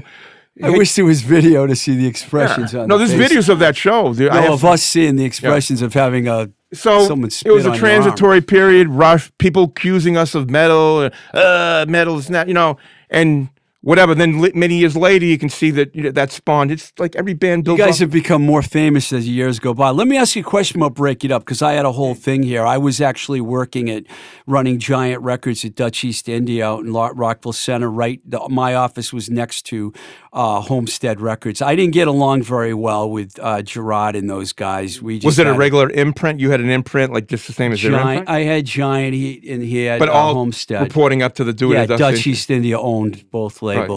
Um, Jan- you know, I'm not going to criticize Gerard's A&R capabilities or anything like that because what he's done with Matador is fantastic. Chris Lombardi, who was also there, was the guy that put up the money for Matador. So Gerard had the table set. I'm just wondering how you guys ended up on Homestead because that seems like a very unlikely place for SSD. How did you end up there? I believe. I believe. Do you remember? No, uh, no, you From the don't. business part. I Yeah, believe he- behind the scenes, um, you know, Mr. B, we were looking for a label because now, you, I'm, you know, I, I'm a risk redu- reduction guy. Like, you know, I wasn't, I'm not, you know, if I can find someone else to take some of my risk off the table financially, I will do that. I don't want to put a record out I can't sell, you know. Later on, I put some Gauge records out that I couldn't sell. So early on, I was more risk reduction. I should have been more risk reduction with Gauge and less with SSD. But SSD, I was a little bit, you know, the first two records sold well, but I, you know, when people stopped paying me and everything, you know, I was like, hey, maybe I should take some of this off my table. Other people do it better than I do, sell records, right? But believe me, you know, I was kind of in the ground floor of, you know, not the very ground floor, early on. There's many times I said, wow, I should really keep on selling records, you know, but ultimately I couldn't do it because I hate it. You know, I'm not going to do something I hate, you know. so Right. I'm right. out of it. But so you went to Gerard, or well, he I, came to you? somehow we got to Gerard. Whether Gerard came, he should answer that actually. Uh, either I we- don't think he'll come on my show. No. I, I would like to talk to him about Liz Right. Fair, but I don't think that's ever going to Well, happen. that's his, that was his big break. yeah, right? he signed Liz Phair. Yeah, but but he either somehow we got to him. You know, obviously Gerard was Boston scene early on. Yeah, his before he magazine or moved to New York, But yeah. never, you know, wasn't sh- really sure where I. You know, I thought of Gerard the whole time. I you know I studied Gerard. I know Gerard is. I thought of Mission of Burma all the time. Every time I think you think of Gerard back then, all I thought was Mission of Burma. He was like the biggest Mission of Burma fan. So you know that nat- naturally wasn't a perfect fit with us. So I wasn't sure, but he ended up wanting to take the record, which was fine. And and and How did the record do? Break it up. and I think when it came out, it was, you know, I feel bad because I don't want to say this and, you know, we didn't support it well because I think we were done, right? And, uh, uh, you know, yeah, there they, were no shows associated. I don't think so. with They didn't No. support it. I don't think we supported it, like meaning like play behind it, work it. And, uh, you know, dead on arrival. Okay. Um, in 1993, Taang released Power, 29 songs, all alternative and live versions. Um, how did that come together? Because that's years later. And Had you moved to California by then? did you do the Taang deal? Uh, No, I didn't do the. Taang. No, but have you moved? I just want to Uh, know where what you year were. was that? What year did that come out? 93. Yeah, Yeah, in but it was like around 90 I started talking to him. I went to a record store like around 90 or something. I was going to school in Northeastern. I went to like Newbury Comics 90. I noticed all the fucking record shelves had disappeared. Like they weren't there. Vinyl was gone. And these CDs were out. And I remember guys at work would tell me about this new compact disc format was this audiophile thing. Worst ever. It's a, you know, but they were like, "Oh, you need it. It's audiophile and this." And I was like, you know, putting it together. So I went to Curtis. I go, "What happened to all the records, man?" He just he was starting up Taang, you know. Happened to all the rec? You know, the, you know, I don't see him out here in the vinyl. He goes, "Oh, everything is 3D now." Like you know, Cur- Curtis likes to fucking tell you like he knows everything. So he was telling me how everything was CDs now. You know what you're talking about. So I said, you know, part of my part of my charter and mission with this band was to try to keep it alive. I, I, you know, in many ways from the '80s to now, I protected the brand. That's the best way I could put it. Okay, I, I tried to, you know, protect these three letters. Okay, to best my ability. So I felt at that time could have been wrong, could have been right. Who knows? That because the vinyl had disappeared, uh, maybe we need to kind of keep ourselves in So the you needed a CD. well, keep Yeah. ourselves in the uh, Relevancy. like the like what's the word like the spectrum or something you know like the fucking whatever so digital spectrum digital whatever i'm like we should be on the shelf right so talked he wanted the first two records of course everyone wanted them then because it's a collectible thing you know they already generated back then they were probably worth 30 or 40 or 15 60 and curtis curtis being the person he is wanted a piece of that you know and most labels like a piece of that too because it's a guaranteed seller. Okay, no no risk, very low risk. Bam, you're gonna probably sell. You print a thousand, you sell a thousand, whatever. So I said to him, okay, uh, let's talk. You know, let's what's the CD like? I said, let's make a compilation. We'll put all those songs on there, most of them, or whatever you want. But it, it's not going to be like that album. So you know, essentially, it is that album because it's all the songs, uh, most of those songs. Alternative versions of the song. No, not alternative. The real, those are the real versions from the record. They probably aren't the mastered versions because Curtis fucked up the A to D uh, conversion somehow. I don't know what happened. It's a big story, but I don't know. Like you know, when you master a record, right? They should make a safety tape of the mastering you do, right? Well, I'm I think that Curtis mastered the A to D with like the unmastered tapes that came from the studio, which means that whatever we paid for at Masterdisk didn't get on the on the Taang record. That's my opinion. I tried to do a little bit of research. No one can answer me. I asked Mr. B before he died. I asked uh, Lou. No one can answer the fucking question about compression and multi-band compression. Anyways, um, so that's the story. But so so there's a lot of lot of uh, things. But ultimately, from a fan perspective and a musical perspective, people have been asking me, "Hey, I want that record. Why isn't it out?" I get, you know, for, since the day it was out, I want that record. I want it. I'd be like, "You can't have it." so anyway, so anyways, no, I gotta finish. You don't want to shut me off. I know. I'm a bad one. I know. I got. I gotta finish this. It's gonna be- So you interrupt me, and I lost my thought. So, anyways, they. so p- the thing with Power was to make get all those songs on the record to, to help the fans say, look at these are the songs. I was basically saying you're gonna get all the songs. Back off now. So we gave them all the songs, put the power out, and it, it, it kind of had another little life, right? Mm-hmm. Did you feel the life in LA when you were out there? No, because you're out in LA. Did you feel any life from that? It didn't affect me very much. No. What do you mean? You weren't getting a restaurant? no, I wasn't uh, being accosted by uh, fans. No, no, no. You told me that the band um, Rancid were hot on you after they were like uh, coming to your store, hanging out. No, no, no. I just hung out with Lars one time because he Yeah. said that he actually that he said, "Oh, we used to cover SSD songs back, Yeah. you know, early Rancid."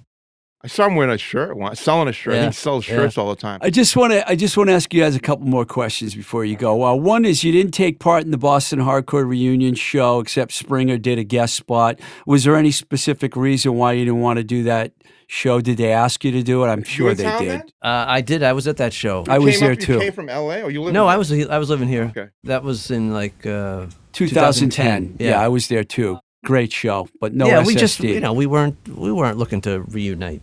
Well, my take, you know, we broke when we broke up. We broke up under, you know, I I I, I uh, physically assaulted Springa. That was in large part of the breakup. You know, I felt I had crossed that line, put my hands on his neck, and was strangling strangling the life out of him. Okay, I didn't know that, but Yeah. that's good info. So the band ripped me off. the band ripped me off of him, and I said I, I felt Yeah, like I crossed fun. a certain line, and I said, yeah, we probably. Don't. And I also felt in the room that I think everyone was looking for a break. You felt probably the same way, right? Yeah, we- Yeah, we all needed a break at that time. But having said that, you know, we had lasted all this long, all those trips from Wellesley and stuff, him picking people up. And to throw it all away was a big thing for me. I remember thinking about, man, you know, we still we can play the channel when we want, maybe. Woo, you know. yeah. I'm like, throw that all away. What a loss, man. I was thinking, you know, I'm going, I'm get, trying to get my degree at this point or something. I'm thinking, you know, you, every band c- comes with this conclusion after a while that maybe it's not worth it at, at some point, right? So we'd reached that conclusion, sadly, because, you know, it, I enjoyed it. You know, the greatest, some of my greatest experiences in life has been in that room when we write a song. You know, that's the juice right there for me. Wasn't playing the rat, wasn't playing Olympic Auditorium. It was when I presented a song to the band and we played it for the first time. That's what it's all about, man. It's like the most incredible feeling, you know, at least for us. I don't know if everyone has. And I had the same juice and gauge, same feeling, man. That's what it's all about when you present some song, you're like, ooh, this is a good song, you know? Yeah. Right? Is that what you've got a- from it? absolutely. Yeah. Yeah. yeah. Um, you guys, you signed a deal with Joe Nelson at Trust. Uh, Joe was on the show. He's really excited. Did that deal take a long time to get done? And uh, how many labels, Al, did you turn down before you uh, did this deal with Trust? Well, since the records were produced, you know, we've been asked, you know, not like every year, but over the years, people would contact me, you know, from the from the eight and analog days to the digital years. Hey, I'd like to put it out. A lot of ex-label people like yourself would contact me. Hey, I'm starting up a vinyl, a, a boutique vinyl thing. Would you be on it? You know, and I knew the deal. They wanted the record. It's a good selling record. It's a good impactful record. I don't want to give people that cover. Just like, yeah, I'm not going to give you that cover and the record. The whole thing is the package, right? It's the pitches. It's everything. It's just not the music because we all we admit we think the music you know, could have been better. You know, we tried our best. It is what it is. And, you know, the people that like that record and don't like the later records, that's great. The people like the other records and don't like that, that's great. We did our best. That's all I can tell you. There was nothing, um, there was no plan, you know, Right. was no plan. It was just me writing songs, Springa trying to do better, Jamie trying to do better, write songs at the end, Foley and everyone trying to do better. That's all it was, you know. Uh, Joe Nelson. Joe Trust. Nelson. So, anyways, you know, many offers. The biggest offer was from Gerard Cos. I won't spell on that because he Matador. He said he wanted to put it out Matador around yes, around 20, uh, 2011. Matador offered the deal. Yes, see, this is breaking news. It is. Gerard Cosloy, first guy, Matador out of the block, and I'm like taken aback because Gerard, you know, we had our homestead thing. We really didn't talk too much after that. So I said, Gerard, give me a spiel. We talked for like maybe, you know, five, six hours. And I remembered a couple things that bothered me about Matador. One of the guys, you know, and I I don't want to say something, but anyways, someone had made an ill. Patrick Amory. I'm not gonna say that name. Anyways, because he's because he ended up buying some stuff from me. Like maybe we've uh, maybe he understands me better now. Okay, but anyways, he slammed Gage really bad. Once again, you know, trying to embarrass me or whatever. Say that you know, you know they they want to put the Lynn thing on me. I think the Lynn Rock thing on me or whatever, and attach that to me. Whatever it is, what it is. I'll weigh the bands that I was involved in against any of those other bands. I got thir- I got like I got like 50 songs in the world I think are pretty good. But anyways, he he, he kind so I had that back in my mind. I'm I, I can't give them the record because of this, man. This guy's this guy fucking put me down. I'm not gonna do it. Anyways, push come to shove, Gerard's I still couldn't understand how we fit on Matador. You know, like I reached out to get it. I reached out to some of the people trying to help me explain it. You know, because I like Gerard. I like, and I, I I probably like Pat. I don't even know him. You know, but I reached out to people and people saying, "Hey, why don't you go this?" So now I'm starting to open myself to all these other labels. Hey, so now I'm like, "Hey, I might as well ask them all." You know, so I started calling up Revelation. You know, "Hey, what do you think?" Now, Revelation, the deal there was the rumor is that man bootlegged my re- bootlegged our records, right? Uh, Jordan Cooper and Ray, and the rumor is, I believe, or Curtis. There's a lot of rumors over the years. I believe they did it. It's okay. I just wish they admit it. I've heard later on they talk about that they used to bootleg albums by bands they liked, but yet they deny that they did it to my band. So whatever, it just seems weird, right? But nor there. I think it was a, they shouldn't have done it, but uh, I thought it was ironic to offer the record to Jordan. I thought this would be like a full circle, fucking weird thing that he boots the record. Now we let him put it out. I thought it was fucked up. He didn't take. He didn't seem to ent- enthuse. Joe Nelson rubbed you the right way, though. Well, the Joe Nelson thing, you know, this is the real thing. You know, shout, shout out goes to Keith Morris. Uh, So I'm still, you know, I so now I talked in since 2010. I talked to maybe like you know 10 or 12 labels. Everyone says, "Hey, go see this label. Hey, go see go see Bridge Nine. You know, I went spent a lot of time with Bridge Nine. I did the merch deal with Bridge Nine because I wanted him to. uh I wanted him to. You know, I wanted to kind of build out a relationship. He'll do some merch with me, and we'll see how a record deal might work out. Right. So, anyways, Joe Nelson approached me from Chris uh, Craig uh, Keith Morris tells me, "Hey, Joe Nelson's doing this label. It might be exactly what you're thinking about because here's the deal. I'm gonna die soon. That's a fact. We're all gonna die soon. I think I'm gonna die sooner than most of these people. Okay, I want. I mean, I'm not saying once you die, really, who gives a fuck, right? These records, no one gives a shit. But I said, you know, a good thing would be to get this record so it will live. You know, It'll be a nice package. That's we'll for sure. I want to live another life. You know, Yeah. take another life. Yeah. Uh, you know, stay out there in the digital. realm. I mean, isn't that what it's all about at the end? Like just like we create this band, let it, let's just like let it live, and then when it dies, it's gonna die soon. Everything, you know, those '50s bands all died by now, so it's gonna die. Let's let it live again. So, you know, I ta- told the guys during the whole process, hey, I'm trying to do this. I tried to update them, being the communicator. I'd send them a little text, hey, I'm doing this. I tried to reach out to Springa, say, look what's going on. Of course, that's a whole nother story. We could spend another hour on just the conversation with Springa. I thought it would be a good idea that the band, the guys, forget about the record, reconcile. Not even, not that we had fights or anything, but we all got in the same room. That's I don't want to say reconcile. We got in the same room. I want to say reunion. I just thought let's reconnect, get in the same room. Hey, we had a good little run there. It was three or four years. We made some great, you know, not great songs. We made some good songs, and uh, you know, let's celebrate it a little bit because SSD was always forward looking. At least I forward looking, right? Let's let's just pause because I'm going to be dead soon.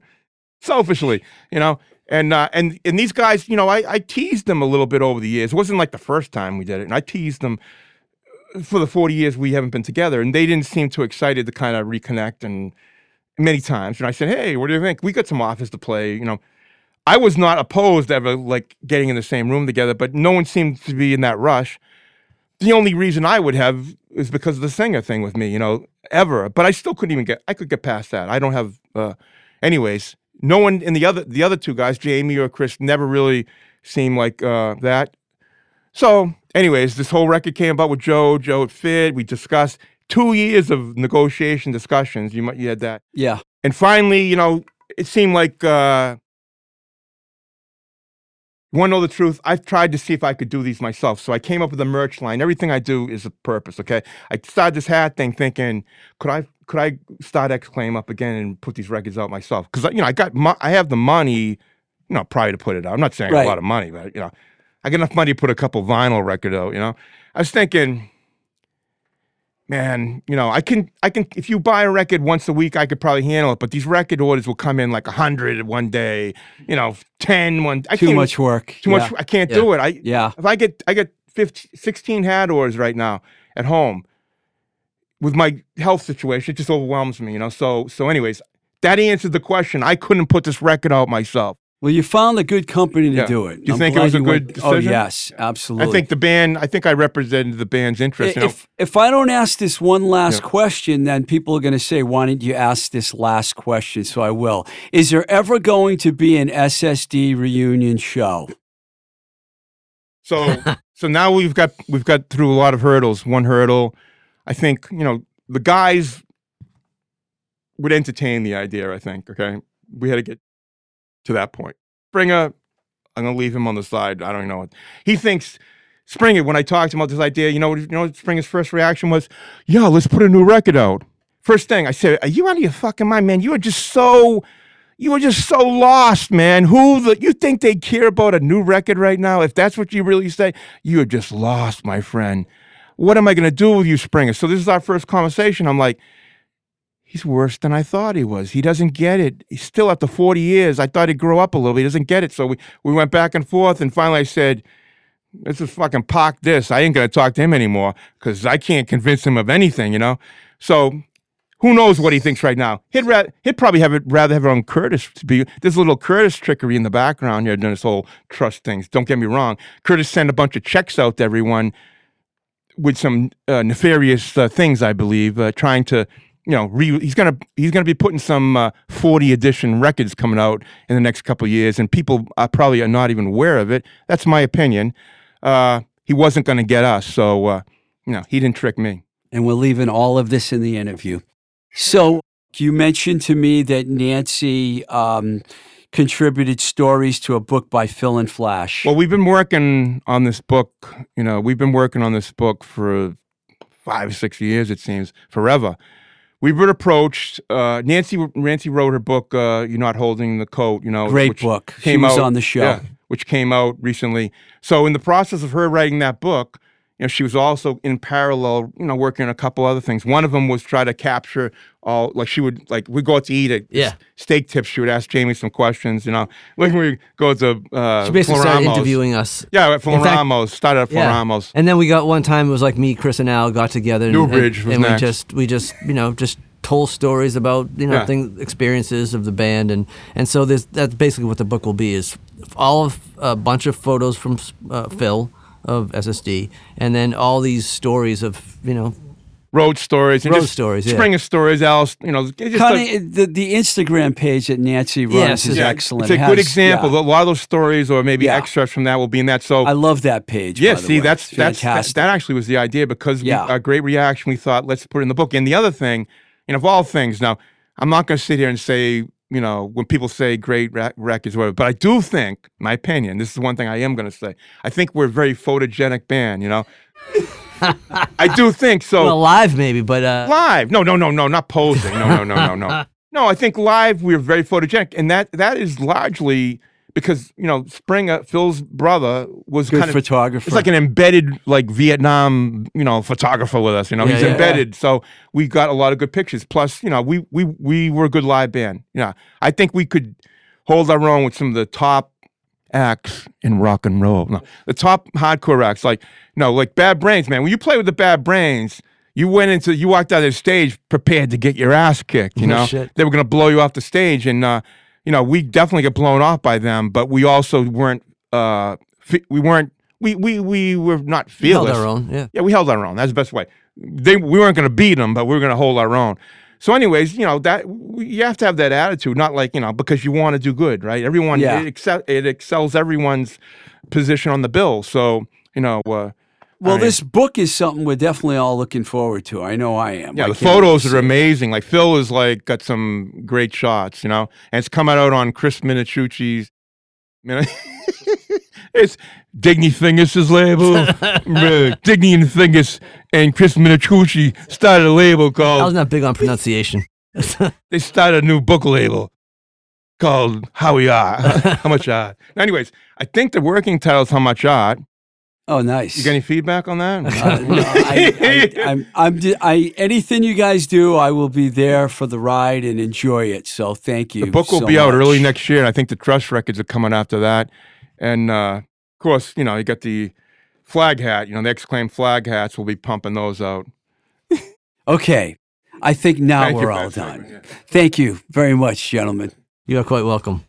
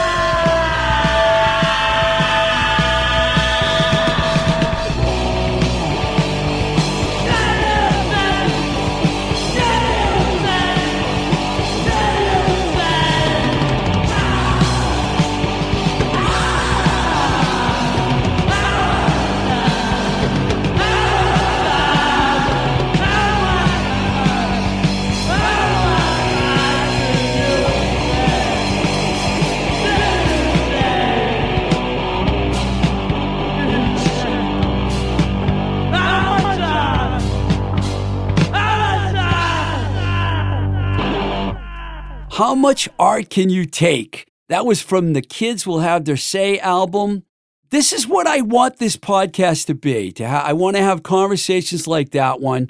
And I can't thank Al and Jamie enough for coming down here.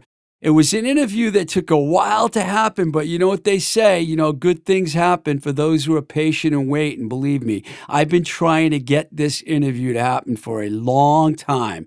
So I'm very happy that those guys came down and I hope you enjoy it.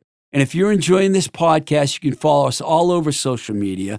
We have an Instagram page at Blowing Smoke with TR, a Facebook page, a YouTube page, and a TikTok page at Twisted Rico. You can reach me anytime at twistedrico at gmail.com. We can send me music, letters, whatever. Thank you to Baby Loves Tacos and Spectacle for supporting this show. You can support us on Patreon and Anchor. Just go to anchor.fm forward slash blowing smoke TR. And also, I want to thank Mike Nash for recording the show here today at Voice Motel and AKA Penny Lane for being part of the production staff and taking photos and videos, which you'll be able to see online today. So that's it, man. Till the next time we say goodbye, this is Blowing Smoke with Twisted Rico. I'm your host, Steve Ricardo. Keep the rock and roll alive.